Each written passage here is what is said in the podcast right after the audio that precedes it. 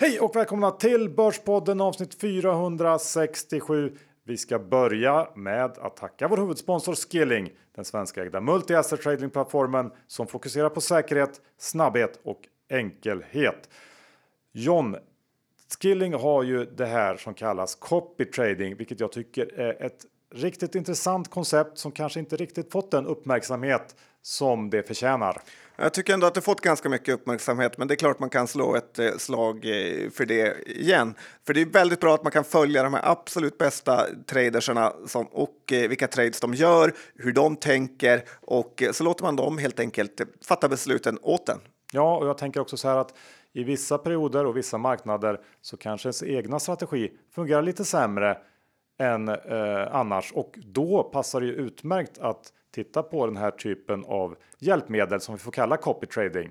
Ja, och sen får man ju komma ihåg, är man en väldigt duktig trader själv så kan man ju få följare eh, som eh, vill ja, följa ens egna trades och då också tjänar man en liten hacka på det. Precis, så det här tycker jag är ännu ett exempel på hur Skilling jobbar för att hela tiden ligga i framkant och ta fram nya innovativa tjänster och lösningar. Eh, öppna ett konto krävs ett bank-id och de har svensk kundtjänst. Men mer än så behövs inte utan då är det bara att ladda ner appen eller surfa in på hemsidan så kommer man igång. Men kom ihåg 76% av retailkunderna förlorar pengar när de handlar er. så besök skilling.com för en fullständig ansvarsfri skrivning. Och med det säger vi stort tack till Skilling.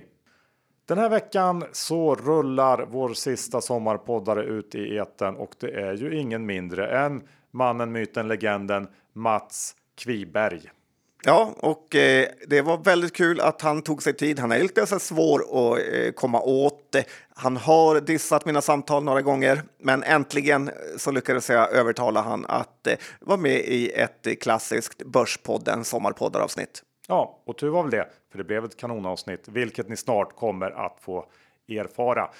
Vi rullar igång intervjun right away. Det är ju oroligt på marknaden och i sådana lägen så är erfarenhet ovärderligt. Därför har vi bjudit in Mats Kviberg. Välkommen Mats! Tack så mycket! Väldigt kul att ha dig här. Tack! Du är ju en eh, finanslegend i hela Stockholm. Från att man börjar med börsen så har man ju hört talas om dig. Hur blev det så egentligen? Ja, det handlar väl om att jag är ganska road av att vara med i intervjuer och tycka saker. Och sen tycker jag att eh, vi som jobbar professionellt ska försöka delge spararna så mycket som möjligt som, utav våra erfarenheter. Ja, det är ett det... sätt att vara generös mot, mot eh, den breda allmänheten som sparar aktier. Men du är inte rädd för att ta lite konflikter heller när det behövs? Eller du är aktiv på Twitter, extremt många följare där, du kör lite roliga fredagstweet, du är hård mot politikerna och så vidare. Jag vet inte om jag är så hård mot politiker, jag tycker jag är ganska rättvis. Hård men rättvis? Nej, men jag tycker att de, de som de har uppfört sig får de faktiskt tåla lite stryk. Ja, det är du inte ensam om att tycka. Så det är bra att du står upp för eh, småspararna här. Nej, jag är förvånad att, att det går till som det gör. Ja, det kan man ju faktiskt vara. Eh, vi tänker att vi börjar med eh, lite snabba frågor för att komma igång. Och den första frågan lyder om du måste välja ny vd till Öresund och bara fick välja på Magdalena Andersson eller Stefan Löfven. Vem hade du valt? Magda. Varför? Nej, men hon är ju dels kunnigare än vad Stefan är och hon är ju välutbildad och han, han gjorde ju ett bra jobb med de förutsättningar han har. Men hon är ju välutbildad. Och, och det här var ju alldeles för positiva tongångar tycker jag, eller? Nej, men nu hade jag ju två val. Jag kanske inte skulle välja någon av dem. Så att, eh... Nej. Nej, det hade nog inte blivit någon av dem. Erik Thedéen ska bli ny riksbankschef. Vad säger du om det? Ja, till att börja med så är jag förvånad över att man lät ehm, eh, Stefan Ingves sitta 17 år. Jag tycker det är direkt olämpligt. Jag tycker att det anglosaxiska systemet att man sitter sex år och har man skött sitt jobb bra så kan man möjligen få det förlängt ytterligare tre år. Men att sitta 17 år som man har gjort är ju direkt kontraproduktivt. Det finns ju ingen som kan sköta ett sådant arbete. Så att jag är väldigt förvånad att Riksbanksfullmäktige lät honom sitta så länge. Ger du honom något betyg då i 1 till 10? Alltså, jag säger som Tony Irving, först jättebra sen katastrof. ja. eh, har du något förtroende kvar för den svenska staten eller kanske rättväsendet efter HQ-härvan? Ja, alltså, min erfarenhet är ju att eh, våra domstolar är ju väldigt, väldigt bra. Sen kan man ju tycka att både polis och åklagare är rätt svaga, men de har ju rätt låg status. Så det är ju svårt att rekrytera riktigt vassa knivar till. Och här har vi då en myndighet, Ekobrottsmyndigheten, som är en samling med poliser och åklagare som jobbar ihop, vilket jag tycker är också olämpligt. Ja, men har du något förtroende kvar för dem? Alltså EBM tycker jag är ett riktig katastrof, men, men eh, domstolarna har jag jätteförtroende för. Du blev ju fria där, så det får man väl... Nej, det är inte bara det, utan man, det, det, märkte man ju första gången man klev in i domstolarna, att, att det här är ju människor som är väldigt, väldigt skickliga. Ja, men det är skönt att höra. Eh, om du bara fick köpa en aktie och inte fick välja Öresund, vilken aktie hade det varit? Jag säger som alla andra Investor, för, men det, eller ännu hellre kanske industrivärlden. Jag tycker Fredrik Lundberg har varit otroligt duktig med att sköta industrivärlden. Dels hela maktkampen med Handelsbanken och att han det är nog det mest eleganta jag sett i finansvärlden. Men att nu hur han navigerar ut Sverker Martin Löv-gänget? Sverker Martin Löv gjorde ju en massa tavlor. Han skulle gå i pension och så avslutande med att bara göra bort sig. Han kunde väl lugnt och stilla bara lämna. Eh, men han skulle vara med och styra och ställa även efteråt. Och att han blev så kränkt för att han fick lämna, det, det är ju märkligt när man är 70 år. Att man, eh, han vet ju spelreglerna. Men du gillar Lundberg-sfären bättre än Wallenbergarna med det här valet i, av industrivärlden? Då? Nej, jag tycker de är duktiga båda två. Väldigt duktiga tycker de är. Så det är inget, jag tycker det är två väldigt bra aktiealternativ, industrivärlden eller Mestor. Börsen då, vi kommer ju såklart gå in på det här djupare lite senare, men kommer den att stå högre eller lägre om 12 månader? Alltså jag uttalar mig inte om sånt, jag tycker det är fånigt. Börser går upp eller också går de ner. Och hur länge börsen ska gå ner det har jag inte en aning om. Det kan vara fem år. Börsen gick ju upp i 13 år mellan 2008 och 2021. Då kan den väl gå ner i 13 år också. Tidigare var ju börscykeln fyra och ett halvt år tre år upp, ett och ett halvt år ner. Och nu har man med en väldigt slarvig penning och finanspolitik gjort att börsen fortsatte upp under 13 år. Och det är den baksmällan vi får betala för just nu när vi ser de här stora kursfallen. Ja, kanske därför betyget på Ingves med. Eh, vilken affär i livet ångrar du mest? Var lite bjussig nu. Bjussig? Alltså, det är, hålla på och ångra sig, det är fånigt. Jag menar, det är, min mamma sa alltid att, eh, att ångra är den feges lott, bättre göra brott på brott. Så att det är... Nej, men hålla på och ångra affärer. Det blir mest en backtrade. Jag skulle ha köpt SE-banken och stod i 4 kronor. Jag skulle ha köpt Ericsson i 12 kronor eller vad det var. Men man kan inte hålla på så där. Då, då är man på fel ställe. Ja, det håller jag helt med om som trader. Mycket man eh, får eh, bara glömma bort istället. Eh, mycket tid lägger du på börsen och kollar på börsen?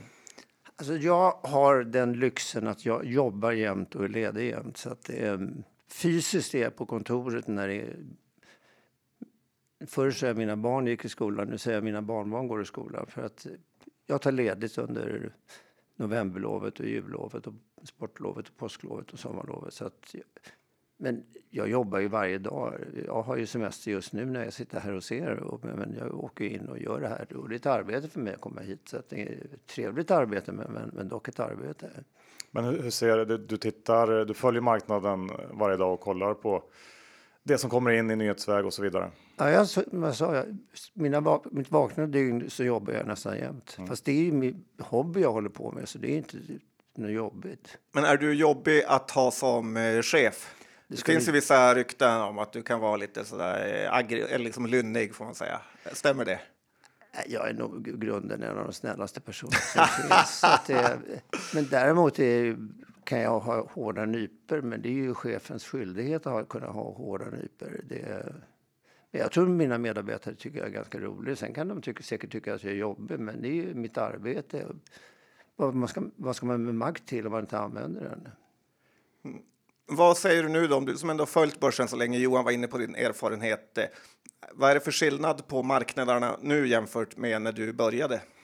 Nej, det är ingen skillnad, det är likadant. Fast det, och jag brukar säga att, att kan man inte historien så förstår man inte aktiemarknaden. Det är oerhört. Jag är ju väldigt road av att läsa gamla böcker. Jag, två bolag som jag följt väldigt noga, i synnerhet ett eh, är Stora Kopparberg och Ericsson. Och de har ju varit så misskötta ända sedan jag föddes, båda bolagen. Så det är, är en katastrof hur man har skött de bolagen.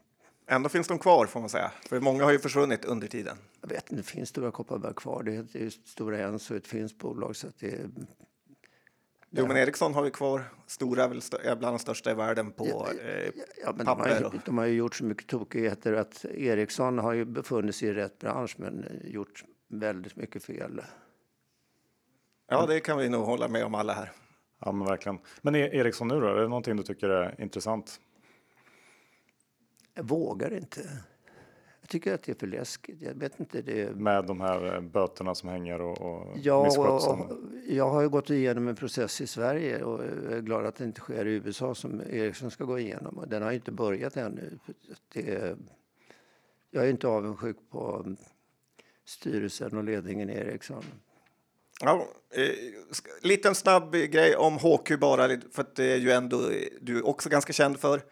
Eh, är du kompis med eh, Hagströmer eller pratar ni? Jag gissar att du får den frågan för en och annan gång. Vi bor, ja, jag tycker inte om att hålla på och tala om vilka jag umgås med, men det är helt ointressant. Men vi bor grannar i, i fjällen och mässar och mejlar till varandra. Ibland pratar vi i telefon. Så att det, Vem är bäst på skidor?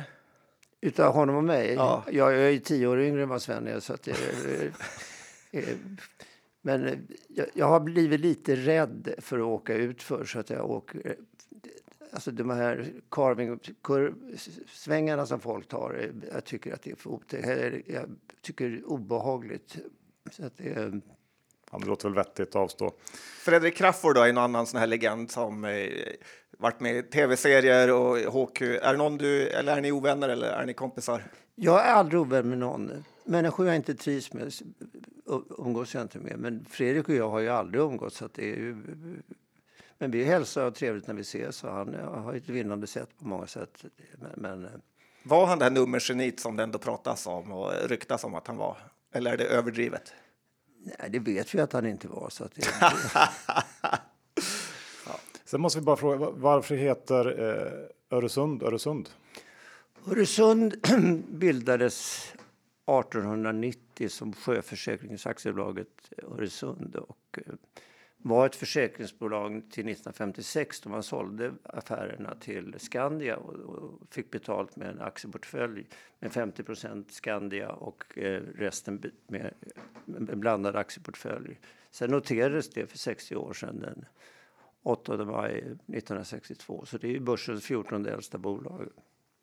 Men det står ibland i tidningen att Investment av Öresund som Sven Hagström och Mats Kviberg grundade då borde ju Sven och jag varit födda i mitten på 1800-talet om vi skulle varit med och grundat 1890. Så det, det, ibland tycker jag att journalisterna är rätt historielösa. Ja, ja faktiskt.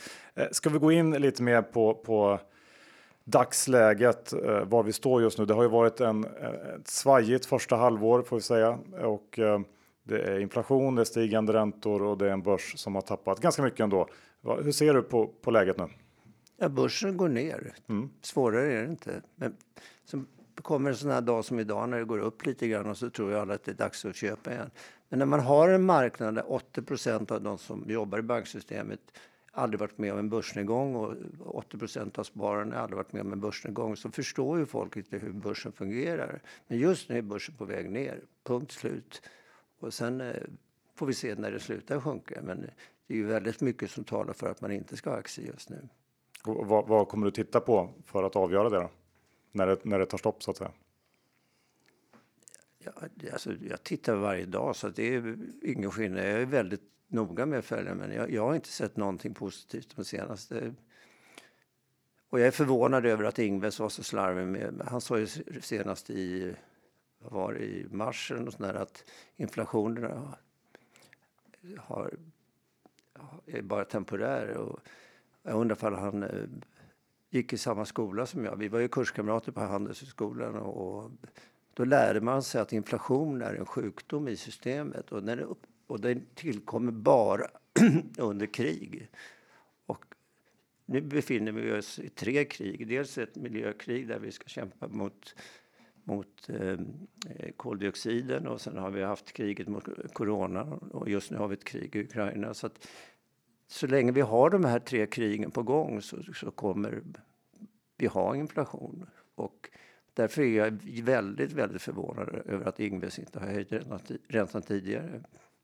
Okej, okay, så att om kriget i Ukraina lugnar ner sig och eh, vi har eh, coronakriget är vi lite, lite över, då kanske om två av tre krig i alla fall är slut kanske man ska köpa. Men de har ju fortfarande nedstängda städer i, i Kina så att eh, jag vet inte hur det är i andra länder. Jag kan inte alla länder, men, men det är fortfarande ett krig mot, mot corona. Så det, det är, och topline för bolagen kommer ju minska och, och det behöver man ju inte vara Einstein för att räkna ut att om topline försvinner så försvinner en del av vinsten. Och vi kommer ju se sämre resultat för både Q2 och Q3. Men du som inte tillhör de här 80 procent som inte varit med om en nedgång. Hur agerade du under säg, finanskrisen 28? Jag, jag, köpte massvis med aktier. Så att det, det, det, Men när kände du att här är botten? När är det köpläge? Alltså, jag tycker ju att när bankerna står i botten då brukar det vara ett bra läge att, att köpa aktier. Du handlar också 90-talskrisen, fastighetskrisen, it-bubblan. Eh, är det någon likhet du ser nu om man kan jämföra den här perioden med det vi har haft innan? Det är klart det är likhet. Det är bara att det är olika namn på det. det är... För många tycker att det är kanske mer likt it-bubblan när högvärderade bolag kraschar. Jag håller inte på för jämför, men börskrascher är börskrascher. Men det här är väl kanske inte en börskrasch utan mer en pyspunka som jag ser just nu. Vi har den vecka med oss vår exklusiva fondsponsor Fidelity. Rickard Bentefor från Fidelity, välkommen tillbaka till Börspodden. Tackar så mycket. Det är höst nu. Vad tror du om marknadsutsikterna framöver? Det ska bli spännande att höra. Höst redan? Ja, det är ju den 3 augusti, men det kan vi väl säga då. Ja, jag tänkte fokusera lite på det här gamla devisen då, sälja till sillen och köpa till kräftorna då och försöka då se Eh, vad tror vi här om hösten nu när vi närmar oss? Snart har vi höst. Så när det gäller konjunkturen, ja, det ser ju väldigt mörkt ut måste jag säga. Frågan är ju då hur mycket som är inprisat i marknaden nu när vi har haft de här enorma korrigeringarna på aktiemarknaderna eh, världen över, men framförallt då drivet här i Norden och i Europa. Vi tror att Europa kan klara sig bättre än USA generellt om vi tittar lite längre fram. Asien ser också ut att klara sig bättre trots nedstängningarna då i Kina, vilket vi har haft här under eh, första halvåret. Då. Med stort fokus kommer återigen bli på centralbanker, räntor. Det är extremt många stora frågetecken just nu. Eh, och tittar vi lite mer på branscher så är det väl mer fokus på medtech och läkemedel och lite mer konjunkturokänsliga branscher. Vi ska också påminna om att investeringens värde och eventuella intäkter från dem kan både minska och öka. Det kan hända att du inte får tillbaka det investerade kapitalet och åsikter uttryckta kan redan agerats på och inte längre gälla. Investeringar på tillväxtmarknader kan vara mer volatila än på andra mer utvecklade marknader. Stort tack till Fidelity International. Vi är denna vecka sponsrade av Lunar och vi, det är fortfarande sommar John, sommartider. Många har semestrar och vi vill påminna om att man kan faktiskt resa billigare med Lunar. Eh, det är ju det här med valutapåslag och uttagsavgifter som man kan störa sig något så ofantligt på när man använder sitt vanliga gammelbankkort. Ja, det är så otroligt mycket enklare att få ut ett eh, gratis Visakort från Lunar som man då kan använda till att eh, köpa saker utomlands utan valutapåslag. Och vill man ta ut pengar så är det inga uttagsavgifter. Det är ju nästan för bra för att vara sant och jag använder det. Jag är väldigt nöjd. Ja, jag tycker också att det är fantastiskt och eh, du sa inga uttagsavgifter. Det är också så att de har inga valutaväxlingsavgifter. Så att surfa in på luna.app om ni tycker att det här låter trevligt, vilket jag utgår ifrån att ni gör. Luna.app och klickar vidare där för att komma igång. Vi säger stort tack till Lunar. Men när det kommer till makro då, är det någonting som du fokuserar på när du investerar? Alltså, jag tycker det viktigaste när man håller på med aktier är att titta på mikro, alltså på företag. Och, och 70-talet som var en av de mest förskräckliga perioderna i, i mitt liv vad det gäller konjunktur. Då var det ju en massa aktier som dubblade sig fast börsen gick ner. Stagflation eller vad det man brukar säga. Vad heter det? Stagflation. Stagflation. Kallar du det stagflation? Jag, jag brukar prata svenska. Ja, okay. ja, men, ja, men då gör vi det. Det är svensk börspodd. Och det är ganska ovanligt att folk beskyller mig för att prata mycket engelska. Nej, jag tyck, tycker illa om att blanda språk. För det blir lätt missuppfattningar om man blandar olika språk. Ja, det är bra. Ja, men stagflation då? Är, är, var det värsta scenariot, 70-talet? Ja, kan du kalla det. Där befinner vi oss nu själva. Så det, det, det, det här är ju mer likt 70-talet än de andra krascherna som vi har såg på 87, 98, 2000, 2008. Så det här är ju riktig stagflation. Och vad var det som vände då när det blev, vände, när det, blev det glada 80-talet? Ja, det var att man bytte ut kommunistiska ledare till, till konservativa. Margaret Thatcher och Ronald Reagan var ju mina förebilder. Och, och ända till eh, Tyskland skulle lägga ner alla sina kärnkraftverk så hade jag Merkel som förebild. Men hon avslutade en lysande karriär med att verkligen göra bort sig. Bara för att det var en tsunami i Japan behöver man inte stänga alla kärnkraftverk i Tyskland. Nej, det hade varit ganska bra om de hade varit öppna nu. Ja, verkligen. Och då kanske Men det vi... gäller ju Sverige också. Vi hade ju 12 kärnkraftverk och så bråkade danskarna med oss och då stängde vi ner Barsebäck. Och danskar är ju väldigt ivriga. Vi har varit i krig med Danmark i 500 år. Så att det, hur de lyckades få oss att stänga Barsebäck är obegripligt. Två av de bästa kärnkraftverken vi hade. Per Bolund är väl en anledning. Ja, han var inte född då. men, men, men, när vi ändå är inne på det här med energi, eh, energifrågan, det är ju, en, det är ju en, en, del av det här. Hur ska den lösas tycker du? Ja, alltså i, idag behöver vi, nu i juni behöver vi massvis med, med eh, energi, men eh, alla de här vindkraftverken står ju stilla eftersom det är vindstilla. Det, det blåser ju noll meter idag så att eh, det blir inte mycket energi då. Så kärnkraft helt enkelt? Inte helt enkelt, vi har ju vattenkraft och det finns andra typer av... Men, men kärnkraft, kärnkraftsel är ju faktiskt ett av de renligaste vi har. Investerar du i någon typ av förnybar energikälla med Öresund eller privat? Nej, vi, ja, vi har något, något litet innehav som jag inte kan namnet på. Men, men eh, som princip så är jag i begagnatbranschen. Jag tycker om bolag som har en affärsmodell. Min fru och jag har samlat konst och möbler i alla tider och, och jag tycker att hitta konst och möbler som är vackra fortfarande. Det här med att titta på samtida saker. Man vet ju inte vad som man kommer uppskatta men däremot om du köper modern konst så vet du ju att det här är någonting som kommer att, att bestå. Det tar ju ett par år innan man upptäcker om en tavla är rumsren och man kan ha den på väggen. Mm. Ja, så kan man tänka. Om man tänker världsläget och förutom med de här länderna, du pratar om att det är nedstängningar i Kina, eh, kommunistiskt land för övrigt, eh, USA och Indien. Ser du några såna tendenser i världen vart vi är på väg? Ja, det ser inget bra ut. Det mesta ser väldigt dåligt ut. Det är svårt att hitta några ljuspunkter. Utveckla på, på vilket sätt? Nej, men det, det, det, vi slänger ju bort massa pengar på vapen till Ukraina. Det kostar ju jättemycket pengar. Och, och hur ska pigsländerna eller garlic belt, om vi nu ska använda anglosaxiska vitlöksbält, Spanien, Grekland, klara de här räntorna när vi får ordentligt höjda räntor. Det kommer vi få. Mm. Den här deglobaliseringstrenden som det pratas om, eh, är det någonting som du oroar dig över?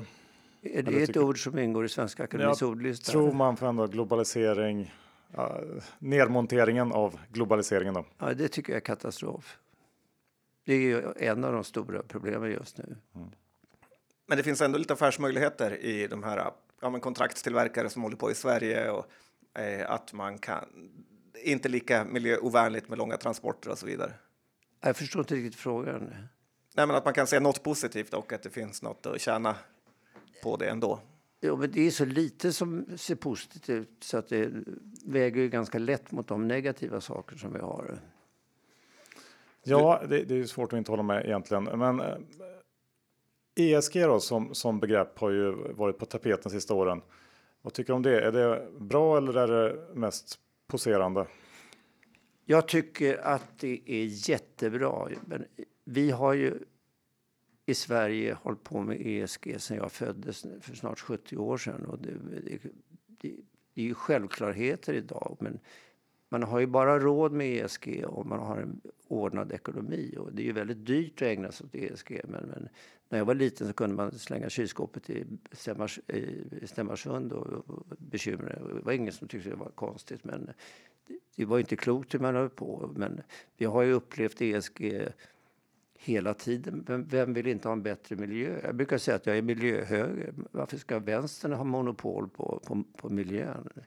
Jag, jag, förstår inte eh, Miljöpartiet att de ställer sig på vänstersidan. Det, hade de ställt sig på eh, helt, helt opolitiska grunder så hade de fått massvis med röster, åtminstone en från mig.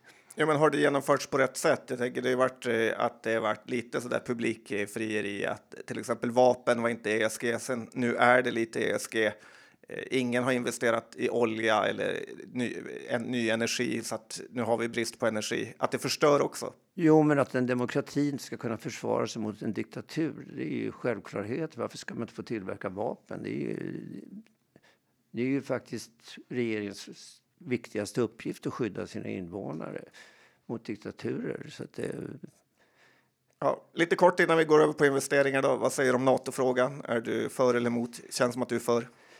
Det var en väldigt ledande fråga, men, men, men, den är ju sann. Så att jag är ju NATO. Jag, jag, tycker vi ska ha försvarsallianser med våra kamrater och, och Nato är ju de 30 länder som vi tycker att vi känner Sen har vi ju då Australien, Japan och Korea som eh, inte ingår i Nato men, men, men som är, har samma system och samma tänkande som vi har. Mm. Så att, det, att vi inte har gått med i Nato är obegripligt. Och det är ju faktiskt så att Sverige hade ju väldigt, väldigt dåligt rykte efter andra världskriget för att vi var så tyskvänliga och, och lät Tyskland få men vi slapp kriget. Det var ju, men var priset värt det? Ja, Winston Churchill som fick Nobelpriset i litteratur, han vägrade komma till Sverige för att han tyckte vi var sådana ynkryggar. Mm. Och jag menar, ända fram till 6 december 41 så var ju Storbritannien i krig med hela världen. Och då, de klarade sig bara för att de... Och jag tror i längden alltid att demokra demokratier överlever diktaturer. Det är därför Israel har klarat sig så bra i Mellanöstern. I de andra länderna krigas det ju hela tiden. Ja, ja men har en poäng.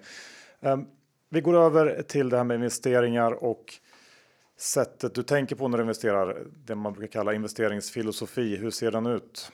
Ja, till att börja med ska man ha en aktieportfölj. Man ska inte ha alla ägg i samma korg. Det är ju självklarheter. Men jag minns för 20 år sedan när Telia börsnoterades hade 80 procent av alla aktiesparande allmänheten två aktier i sin portfölj. Det var Telia och Ericsson. Och det är klart att år 2000 sitta bara med Telia och Ericsson, de gick väl ner 90 procent. Eh, så att det, och fortfarande har ju Telia, handlas de med 40 kronor och sånt där. De kom ut på 85 kronor för 22 år sedan. Det är ju, det är ju ruskigt. Och dessutom, den börsnoteringen var ju skrämmande. Att man fick en miljon människor att det går att köpa aktier. Det var ju reklamskyltar. Passa på att teckna folkaktier nu. Och så, rena lurendrejeri. Det var Björn Rosengren var en profil på den tiden. Ja, Magda säger ju att det, hon skulle avgå om inte, om inte den gode justitieministern fick sitta kvar. Så de är ju kollektivt skyldiga allihopa för, för den börsnoteringen. Det var ju Göran Persson. Och ändå kan hon bli vd på Öresund på skämt. Det, det, det, är bra att du säger att du är rolig, för jag, jag, har, jag förstod inte det. Men då I början fick välja på vem som kunde vara vd. Ja, men då hade jag två val. Ja, ja det var kanske inte ett av mina bästa skämt. Eh, nej. Nej, men, det får väl lyssnarna avgöra. Nej, men, men tillbaka till det. Men, ja, ska man beskriva dig som någon som klassisk liksom, värdeinvesterare? Absolut, absolut. Jag tror att det är ett bra koncept när man ska spara i aktier. Ja, men vad har ni ändå för eh, filosofi? Jag tänker Öresund äger väldigt många bolag. Eh, allt från Bahnhof till Scandi Standard till Bilia eh, och så vidare. Men vad, vad vill du se innan du går in i ett bolag med mycket pengar? Det roliga är att jag tittar väldigt, väldigt ofta på bolagsordningen. Och tyvärr är det ju så att i Sverige är våra bolagsordningar väldigt, väldigt stökiga. Det finns ju inget land i världen som har så mycket hajpulver och AB-aktier och sånt där som gör att man inte kan slänga ut eh, värdelösa företagsledningar och styrelser. Så att det, det tycker jag är en olycka att vi ägnar oss åt sånt fusk att man inte får rösta för sina aktier. Öresund har inga A och B-aktier då antar jag? Nej, och inte Bire heller och inte Scandi Standard heller. Så att det... Ja, men det måste vara något mer än det kan jag tänka mig. Bolagsordningen, djupare. Nej, men man, bör, man måste ju börja någonstans. Och, och, och, jag tycker bolagsordningen är någonting som folk missar ganska ofta. Det är, det är väldigt viktigt att titta på. Känns lite överkurs, men kul att du tar upp det. Ja, det är kanske bra att folk går över kurser ibland.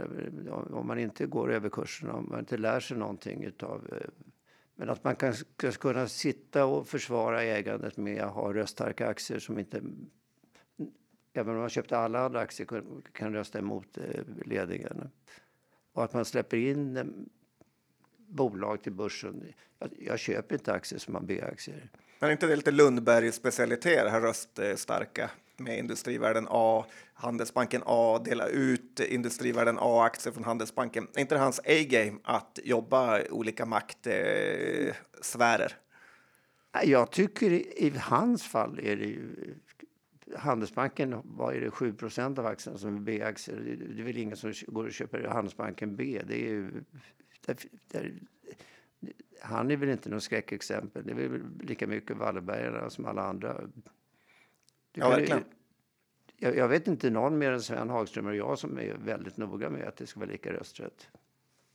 Mm. Ja, det känns ju rättvist på något sätt, men jag antar att ägarna vill ha mer kontroll om de kanske känner att de... Och det är väl det som är felet, att, att det är kontrollmänniskor som sitter vid rodret och inte människor som är kommersiella. Ja. Att man inte... En högt värderad aktie är bästa skydd man kan ha, inte hålla på och gömma sig bakom AB-aktier. Och i övrigt då när det kommer till ja, säg branscher eller eh, typer av bolag. Det, det, ni tittar brett. Nej, men man måste ju ha olika branscher. Menar, en aktieportfölj ska ju bestå av bank och kanske fastighetsbolag och något skogsbolag. Att man överhuvudtaget sprider riskerna, det är väl jätte, jätteviktigt. Och att försöka undvika de här förhoppningsbolagen som kommit ut på börsen. Eh, jag har en, en Eh, medarbetare, jag hjälper hemmet med en kille som jobbar reguljärt som brandman och han, eh, eh han jag frågar hur fan har du satt ihop den där aktieportföljen? Ja, vi sitter i fikarummet och, och pratar om vilka aktier det ska bli och du, du hittar på den ena konstiga aktien efter den andra så, så här, du får du kamma till det. Så här. Du, du träffar ju mig ett par gånger i veckan, kan du fråga mig istället för att fråga dina kollegor på brandstationen. Ja, vilka aktier hade de? Det var, ja, ja, det var så konstiga aktier, jag kommer inte ihåg. Det var, jag började gråta när folk... men just att det är högre risk, eh, tolerans i fikarummet än kanske du Nej, har men. Men, men efter... Biotech och efter, förhoppning. efter 13 års börsuppgången blir folk slarviga med sina sparpengar. Och jag är väldigt, väldigt förvånad att folk är så slarviga med sina sparpengar. Och dessutom kommer vi idag leva ganska länge och och dessutom att vara pensionär är ju väldigt dyrt. Då har man ju tid att göra av med, med, med pengar också, resa och, och, plötsligt är det någon som inte betalar mobiltelefonen eller betalar, bi, eh, betalar för Dagens Industri eller vad det nu är för något. Det kostar faktiskt 10 000 kronor om året att prenumerera på Dagens Industri. Det är ganska mycket pengar. Ja, får använda Börspodden-koden någon gång så kommer du komma betydligt billigare undan. Det tror jag, kanske till och med klokare också. ja, men, men ta, på tal om, om konstiga aktier och kanske konstiga noteringar. Eh, ni eh, i Öresund, ni hade väl en, en um, liten post i Desenio som är ett av de här bolagen som gick till börsen under men, pandemin kan man säga. Va, va, och det blev ju mindre bra. Uruset, men vi hoppar ju av eh, 45 kronor och sånt där. Så att, och nu är vi nere i 2 kronor. Eller vad det, ja. och det är klart att det är skandal att komma med ett sånt bolag till börsen. Både investmentbankerna och säljarna borde ju skämmas. Men hur lyckades de få med på det här tåget? För du är ändå eh, bra på att syna ner bluffar. Tydligen inte tillräckligt bra för att tacka ja till det där. Men eh, det, det... Tror att de själva förstod hur enormt dopat det här var av pandemin? Alltså, det gäller inte bara dem, det gäller ju all eh, handel på nätet. Att man, eh, under pandemin så var det ju kanske inte så konstigt att, att man eh, handlade på nätet. Men eh, om jag ska gå och köpa en ny kavaj som den här så vill jag gärna se hur den sitter och hur den känns, om färgen är rätt och sådana saker. Det kan man inte göra på nätet. Min hustru köpte två klänningar förra året på nätet eh, som hon tyckte skulle ha som sommarklädsel. Och det var så usel kvalitet så vi gav det till hennes, till vår städerska och hon blev jätteglad. Så att det var... Generöst av dig. Eh, men ni har ju ändå ägt MQ. Gick ju inte, det gick ju så där får man säga. Du fick köpa upp konkursbot eh, billigt. Eh, ja, vad säger, det är inte jättelätt med vanlig handel heller. Nej, men det, MQ gjorde ju ett stolligt förvärv av ett, en konkurrerande firma som heter Joy som man betalade. Så satte man sig i häftig skuld i och förstörde balansräkningen. Men, men hon som gjorde det, eh, jag kommer inte ihåg vad hon heter nu, jag har glömt det. Men, men nu har vi en väldigt duktig vd och en väldigt bra styrelse och det går ruskigt bra konstigt nog. Det går, eh, jag, eh, jag, nu är inte börsnoterat så nu kan jag berätta det. Förvånansvärt bra. Majsiffrorna var ju lysande. Så, så comeback för vanlig handel då? Retail vågar man inte säga när du sitter här, utan handel i butik. Ja, men att gå och prova sina kläder när man köper. För det är ju faktiskt så att man ska gå och hämta ut de där kläderna och så ska man skicka tillbaka dem om man var missnöjd. Så det är, det är ju massa ställtider när man köper på nätet också. Så att jag är inte så säker på att... Eh, jag tror att... Slipper i och för sig stå i ett provrum och ha folk Nej, men, utanför men, Men nätet på. är mer gjort för att köpa flygbiljetter eller, eller, eller tågbiljetter eller om man vill gå på bio eller någonting annat. Det är ju väldigt bra, eh, nätet för sånt. Men att gå och köpa fysiska kläder och, och när jag handlar mat, jag är väldigt road av både matlagning och, och, och, och, mat. Då blir man inspirerad när man går in i butik. Så att det, för mig är det oerhört centralt. Men var det inte lite lurigt där att ni lät det gå i konkurs och sen fick du köpa ut det typ gratis eh, efteråt? Det låter ju så, men det är ju bra att vi har en konkurslagstiftning. Det var ju... Vi gick ju in... Vi köpte ju... Det var ju ingen annan som bjöd på konkursboet än vad vi. Så att, eh, vi följde de spelregler som finns. Jag skäms inte ett dugg. Jag är jätteglad. Och de 1100 medarbetarna som jobbade på MQ älskar ju mig för att jag gjorde den affären. Så de fick ju behålla sitt jobb. Mm. Men vi gick ju in. Vi hade 120 butiker och, eh, och så gick och sa att vi betalar halva hyran annars så, flytt, så flyttar vi härifrån. Och nu har vi, vi fick ner hyran på 90 av 120 butiker och de 90 butikerna har vi kvar och de går jättebra. Höll ni löftet med att stänga ner de som inte sänkte hyran? Ja, vi stängde 30, punkt slut. Mm. Man förhandlar inte lätt med dig då? Nej, men om man ska rekonstruera ett bolag så måste man ju gå fram ganska hårt. Och det, det var ju framför allt då konkursförvaltaren och honom kunde inte vi styra på det sättet. Utan, ehm, ehm, och sen fick vi förvärva det till en attraktiv summa. Så att det, ehm, jag tror familjen Kviberg har blivit lite rikare tack vare det. Ännu lite rikare. Är, är MQ någonting vi kan uh, få se på börsen igen någon gång? Alltså jag tycker ju om att ha onoterat. Det är ju ett fattighetssyndrom att behöva be några andra vara aktieägare. Det är ju urskönt. Så kan jag sitta poddradio här och berätta hur det går utan att behöva skämmas. Om jag berättar om ett börsnoterat bolag så får jag ju randig solbränna. Det är sant. Men, men eh, köper du något annat där eh, klädbolag? Nej, jag... Eftersom det går så bra för er att, man kan liksom, att du kan se andra eh, lägen på börsen, typ H&M eh, och så.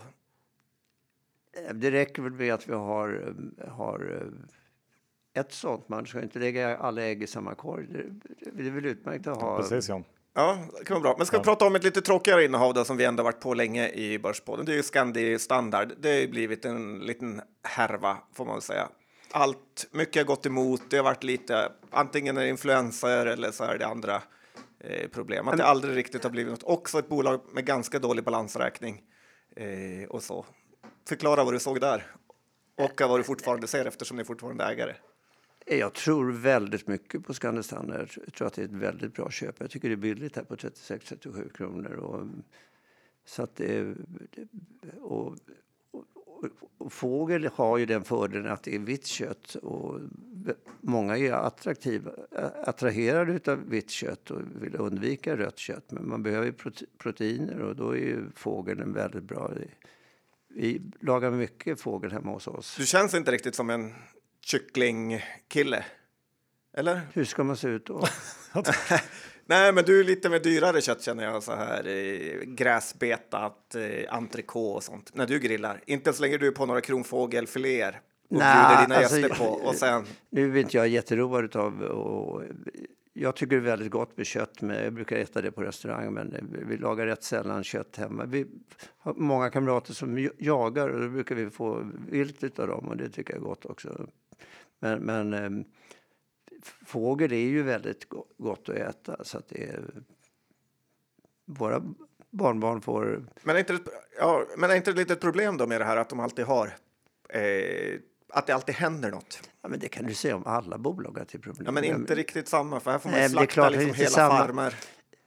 Man får slakta? Eller hela kycklingfarmar får, går åt när fågelinfluensan kommer. Och... Nu är det kanske inte de här kycklingarna som drabbas utan det är hönsen som värper äggen. Som, där är inte vi involverade utan vi köper ju nyfödda kycklingar som föder upp under en månad. Men då kan man ju säga moraliskt att man ska inte äta kött överhuvudtaget. Men då ska man inte äta fisk heller för man måste ju döda fisken också. Nej, men det, jag pratar inte om att döda, jag pratar mer om att för vinsten, att det hela tiden kommer engångsposter. Det har varit något i Irland, det är något i Sverige. Det är problem hela tiden. Alltså problemet var ju att det var ett riskkapitalbolag som skapade Scandi Standard som slog ihop eh, Danmark, Norge, Sverige, Finland och Irland och eh, och det finns inga synergier mellan de här fem. Och sen var det ju sån här quick fix. Och det var ju mycket sånt här skräp som kom ut på börsen. Och i det, i det, det skick som Scandi Standard var när de börsnoterade var inte okej. Okay.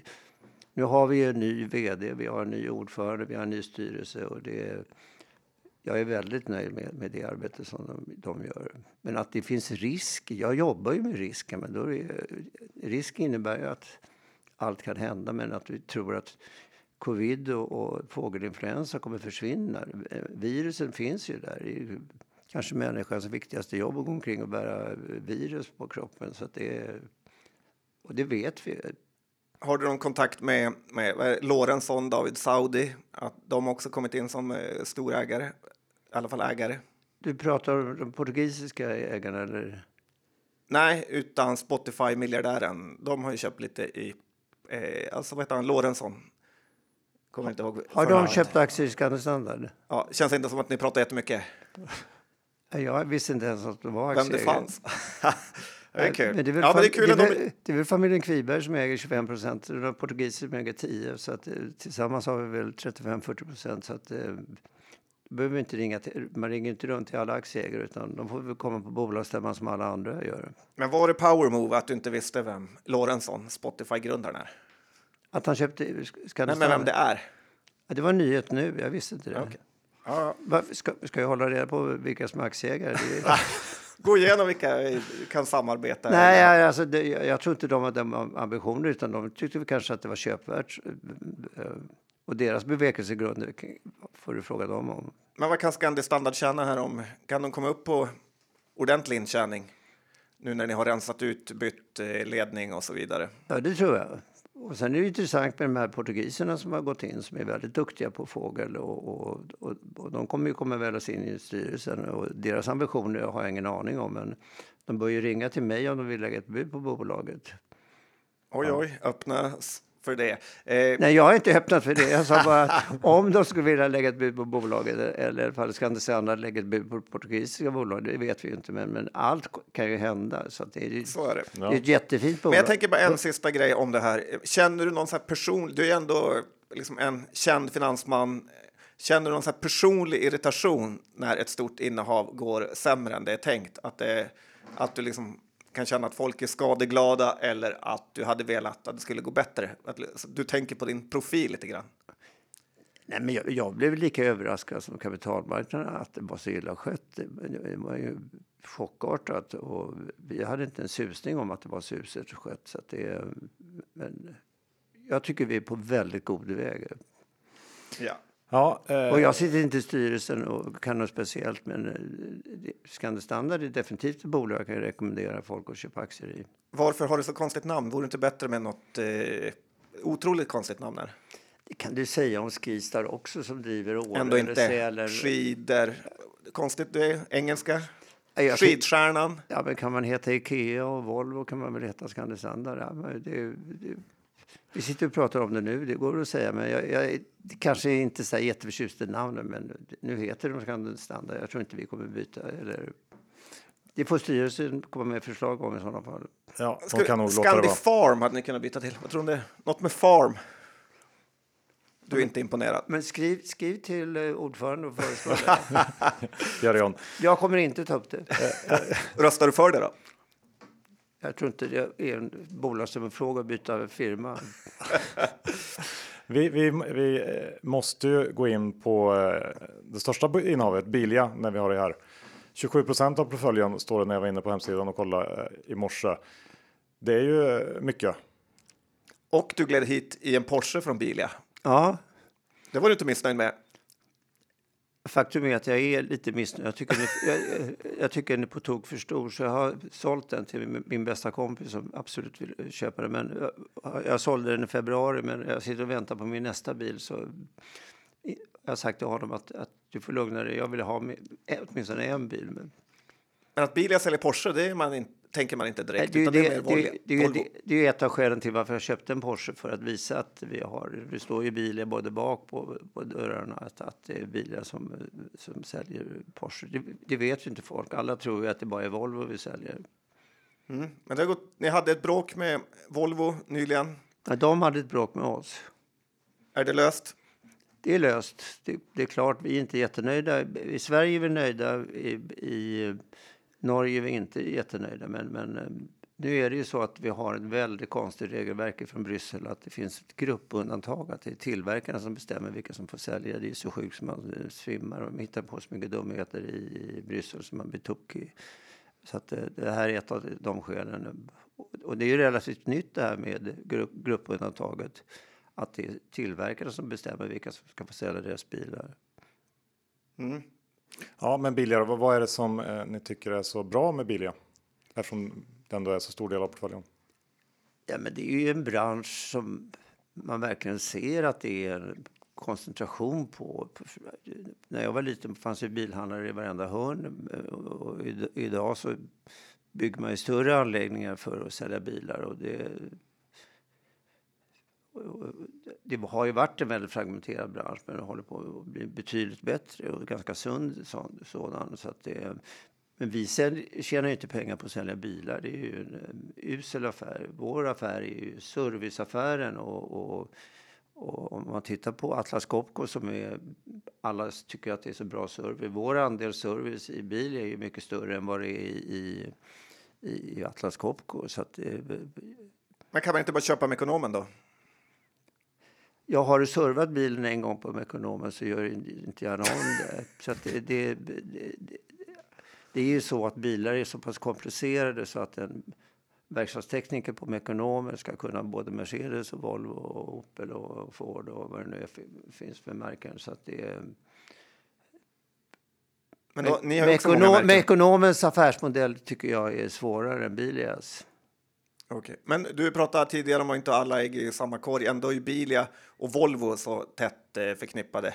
Mm. Var inte det ett problem att ni har, är så eh, nära och säljer så mycket eh, Volvo?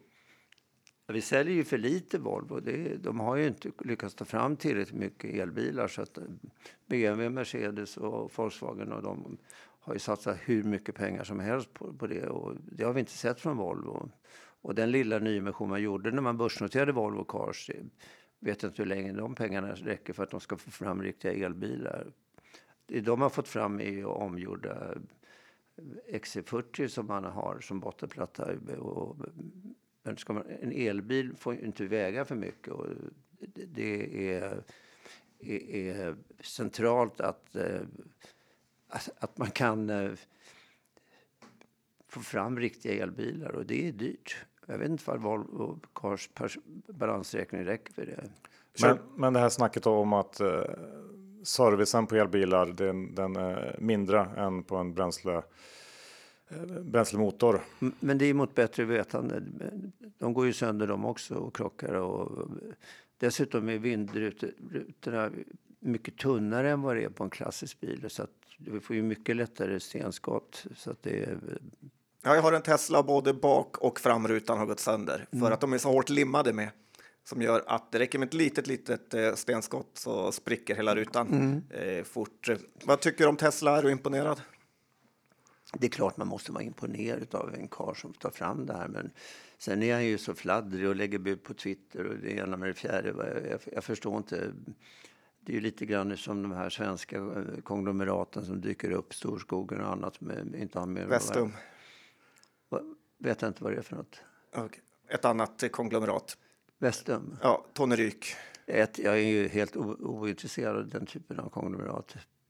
Konglom- Jag tycker det är bra om bolag håller på med det de begriper. Mm. Ja, eh, Elon är lite all over the place. eh, Men, Det, det var väldigt mycket engelska här.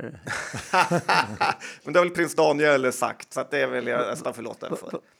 Så han är din förebild? Eh, En av dem, eh, mer inne på Jag, jag, jag, jag förstod inte riktigt frågan. att Nej, men frågan var, oj, jag kommer inte ihåg den heller, men vilken typ av... Det är svårt för mig. Det är svårt då. Nej, Vi kör, du den. kör inte elbil själv, utan du kör bensindriven Porsche. Det är helelektrisk. Är den det? Helt elektrisk. Okej. Då var det väldigt eh, ja, imponerande. Eh, vad kostar den? Jag tror att det kostar eh, 1,4 miljoner. Så att det, är- ju väldigt... Porschar är ju väldigt dyra. Och, och, de har ju ett starkt varumärke och folk är ju lite ängsliga. Så de vill, för min del kan jag komma med en Opel Kadett. Det spelar inte min roll. Jag har inga sådana böjelser att det ska Men- vara Men du tog ändå en Porsche när du kom till Börspodden-studion. Nej, jag har bara en bil och det var, är en Porsche och, och, och jag har sålt den. Men, men, men nu väntar jag på en Mercedes som jag ska få så småningom. Men det är ju sådana enorma väntetider. Jag undrar hur biltillverkarna på kontinenten kommer klara sig med de här problemen. Du, när vi pratade om MQ så pratade du om hur ni hade lyckats förhandla ner hyran och då eh, tänkte jag på fastighetssektorn. Fastigheter har ni lite grann. Eh, fastighetssektorn har haft det tufft i år eh, efter en lång, lång period av uppgång. Hur ser du på den eh, branschen nu? Ja, det är ju en väldigt tuff bransch, men, men å andra sidan har de ju, eh, har ju inflationsdrivna hyror också. Så, men jag tror inte vi har sett hur de här kommer må. Det är ju först när ebben kommer som man upptäcker vilka som har badat nakna. Och de här fastighetsbolagen, jag, jag håller på med aktier varenda dag men jag, jag begriper inte vad de gör. eh, Selin och Johansson, de köper i varandra. Och, Du, du uppskattar inte det här korsägandet? Nej, jag har aldrig tyckt om korsägande, men, men jag kan inte de där bolagen. Jag tycker det är så rörigt så att det är... Och, Är du kompis med någon sån här fastighetsgigant? absolut, allihopa. Ilja, I- Ja, jättekompis, men jag känner ju honom. Så att det, vem gillar du bäst? Om du måste ranka dina kompisar. Alltså min, min eh, bästa kompis i den branschen är Erik Paulsson som eh, har ju varit en stjärna, men han är ju tyvärr sjuk så att det är... eh, Just det, Peab-sfären. Ja, ja, jag vet inte. Fall, P- det är ju två sfärer. Det är ju dels Erik Paulsson och, och dels Mats Paulsson. Som, Mats sköter ju Peab och Erik har fastigheterna. Men, men Fabege då, eller? Ja, Wihlborgs och Diös och vad det nu är för något han äger. Ja, är spännande. Eh, Ett an... Men köp eller sälj på fastigheter om du bara är tummen upp ner. Alltså jag tycker fastigheter kan ingå i en portfölj, men, men eh, säg att man har 6, 7, 8 procent i fastighetsbolag. Men det, då kanske man ska välja Fabege eller någonting annat. Men kontorsdöden är inget du tror på? Nej, det tror jag inte på. Ingenting. Varför inte? Nej, jag tror att det är väldigt viktigt att folk kommer till sin arbetsplats. Jag tror att det är viktigt för impulsen för en själva. Det, jag tror inte på det här med att man ska jobba hemifrån. Dessutom skulle inte mitt äktenskap hålla för om jag jobbade hemifrån. Nej, det är väl många som delar det. Eh, Catena Media är ett bolag vi pratat extremt mycket om i podden och följt under lång period. Eh, ni är storägare där, har inte levererat. Nu är det budspekulationer. Eh, Eh, Ville Gruberg med Alkur är storägare, eh, fina namn, men ändå går aktien dåligt. Ja, men det har ju varit lite bekymmer med bolaget. Eh, jag bor granne med en styrelseordförande så att eh, och dels sitter min svärson i styrelsen för Catena Media och honom pratar jag ofta med så att eh, jag får passa på de där frågorna för det, där har jag inside information. Okej, okay. så ingen tummen upp eller ner där? Nej, ingen tummen alls. Så, lyssnarna får inte se. Nej, jag skojar bara. Eh, Okej, okay. det var tråkigt för det är ändå ett bolag vi pratat eh, mycket om. Jo, men jag kan inte hålla på och berätta det jag vet. Så det... Ja, men berätta, du, Bahnhof är ju ett bolag som också är kul. Och eh, Johan, Jon Karlung, härlig vd, vi har hyllat honom mycket här. Ja, det förstår jag. Det är en väl värd. Jag tycker han är fantastisk. Jag tycker han är så otroligt duktig och rolig. Och, och, och så att det, men, men jag tycker man kan ha med Telia eller Bahnhof i en portfölj. Jag tycker det är... Du är inte rädd att det blir en sån här, kom, eh, jag vågar inte säga commodity, men allmän vara, att det är bara pri, priset som spelar roll efter ett tag? Det kan du ju säga om alla bolag. Men vi hade ju, när jag var ung så hade vi fem börsnoterade bolag i energibranschen. Och de har ju försvunnit allihopa. Det är ju för att folk orkar inte sitta med utilities. Och, och utilities är ju viktigt. Och Får du säga sådana engelska ord? Ja, men det är skillnad på gästen och världen. Okej, okay. ja, ja, då vet jag. Ja, nej, men det... Nej, men utilities, jag, jag kan inte vad det svenska ordet är. Nej, vi säger det. Men bank, banker är ju utilities som vi måste ha. Och energi måste vi ha. Och, och så att det, den typen av investering blir ju aldrig, det gäller ju Telia och Bahnhof också, det kommer ju aldrig hända några explosioner på kurssidan. Men, men eh, om det ger en avkastning på 7-8 procent om året så får man vara nöjd med det. Ja, många av de här energibolagen har blivit uppköpta med Gullspång och de här eh, kraftbolagen ja, ju, lite mindre stationer. Jag saknar dem. Jag hade varit aktieägare i Gullspång om det hade funnits Skandinaviska elverk och Sydkraft och vad det nu hette allihopa. Det är jättefina bolag. Ja, det är väl Fortum som har skott sig stort där, tagit mycket. Det är bara att gratulera finnarna. Ja, så är det. Vi har och, alltså, lite som kanske utanför boxar här. Kulinea, eller hur, hur uttalar man det ordet? Ni är storägare där. Ja, man uttalar det så tror jag. Ja. Det, det, det är trevligt att det börjar på Q också. MQ, kul idé. Eh, men det är diagnostikbolag mot blodförgiftning eh, och annat eh, såklart. Men det är ju ett verkligt Uppsalabolag. ett förhoppningsbolag och det kanske inte är någonting som en bredare allmänhet bör ha i sin portfölj. Brandmännen på stationen. Förlåt? Brandmännen kanske, det är kanske den typen av bolag de tittar på. Jag förstod inte frågan. Här, du pratade tidigare om brandmän, brandmannen som inte frågade Jaha, en råd. Jaha, min, min trädgårdsmästare som jobbar på som brandman. Eh, nej, jag tycker de ska försöka undvika den typen av förhoppningsbolag. Det kan man väl ha lite grann, men, men jag tycker man ska vara väldigt, väldigt för, försiktig med förhoppningsbolag. Men folk har ju varit så slarviga med sina sparpengar och köpt allt skräp som finns. Du nämnde ju det här tavelbolaget, vad det heter. Desenio. Desenio man ser hur fort det går när man är inne i förhoppningsbranscher. Ja, dåliga balansräkningar på det. Mm. Eh. men bara kort där om, det, eh, om noteringar generellt. Eh, du pratade om Scandi Standard också som var illa skött när det kom till börsen. Tycker du att man ska dra öronen åt sig när det gäller, eh, ja, som, som i det här fallet, då, riskkapital ägda bolag som noteras? Ja, de har ju haft en tendens att prissätta dem lite högt när de ska komma till börsen och, och du får ju bara en chans att göra ett första intryck och första noteringsdagen är ju viktigt att inte kursen går ner så att det, man måste bjuda köparna på 10 kronor någonstans för att man ska ha prissatt det rätt. Men där har man ju varit otroligt slarvig. Förra året är ju katastrof med de bolag som kom till börsen. De borde ju skämmas, emissionsbankerna. Verkligen, verkligen. Det har vi påtalat mycket med. Vi har gått igenom många bolag i din portfölj eller i, i, i Öresunds portfölj. Har du något bolag du vill lyfta fram som vi inte har tagit upp? Som du tycker är värd att eh, pitcha lite för? Vi har ett stort innehav i SE-banken. Jag tycker det är ett, en, en utility, en, ett bolag som är välskött. Jag tycker att, att det är den bästa banken. Så att det är, och, och jag tycker Nordea är för stort. Jag tror att det är svårt att sköta ett bolag med 45 000 anställda. Jag tycker att banksammanslagningar har varit olyckliga. Ja, Handelsbanken då? Lundberg?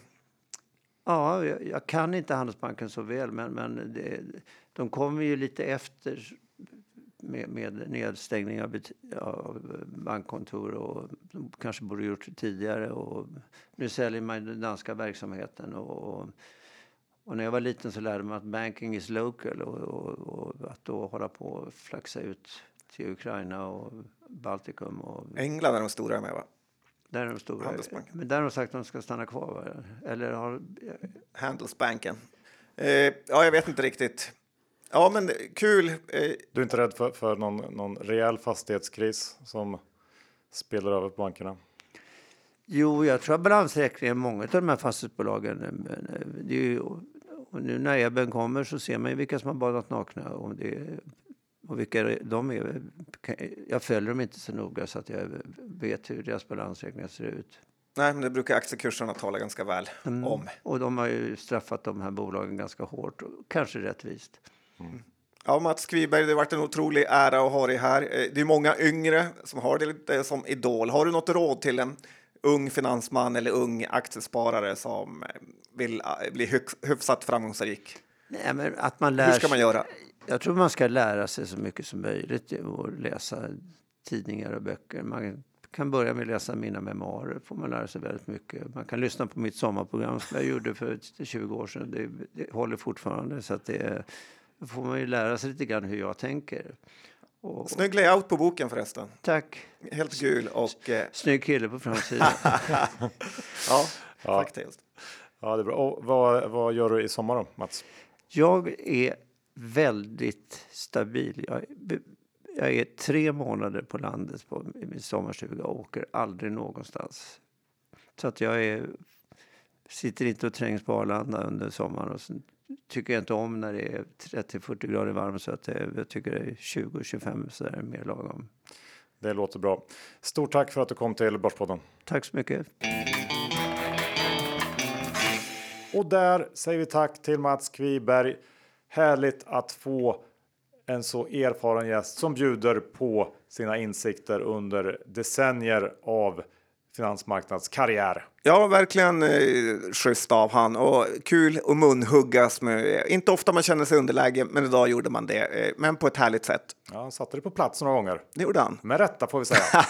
kul att du hejar på mig Johan. Det sättet du svänger dig med och förstör det svenska språket. Nej, jag tycker att det var helt rätt av Mats att sätta dit dig när du var ute och svaja. Ja, själv tvekar jag inte på att köra lite utilities. Nej, men så, så får man göra om man är en finansmarknadslegend. Och gäst. Ja, eh, vi ska också säga stort tack till Skilling, vår huvudsponsor. Kom ihåg att öppna konto. Det är inte för sent. Det tror jag inte heller att ni tror, men eh, ja, det är inte för sent, utan det krävs ett bank-id och sen är man igång och kan trada. Gud vet vad, allt från olja, soft commodities till krypto och såklart vanliga aktier och index. Så är det Johan, du sa det bättre än jag någonsin hade kunnat säga det. Eh, men kom ihåg att 76 av retailkunder förlorar pengar när de handlar CFD, så besök skilling.com för fullständig ansvarsfri skrivning. Eh, och ja, det här var vår sista sommarpoddare det här året. Vi ska ju tacka alla för eh, allt beröm vi har fått. Det här har väl varit bland våra största succéer någonsin skulle jag säga. Och det är kul att allt jobb vi lägger ner får uppskattning. Så vi säger tack till alla som har lyssnat i sommar och nu kör vi på ända in i kaklet fram till nyår. Ja, men det tycker jag verkligen eh, vi ska göra. Och med det så säger vi. Ja, vi säger tack för att ni lyssnade. Vi hörs om en vecka igen. Hej då! Det gör vi. Hej då!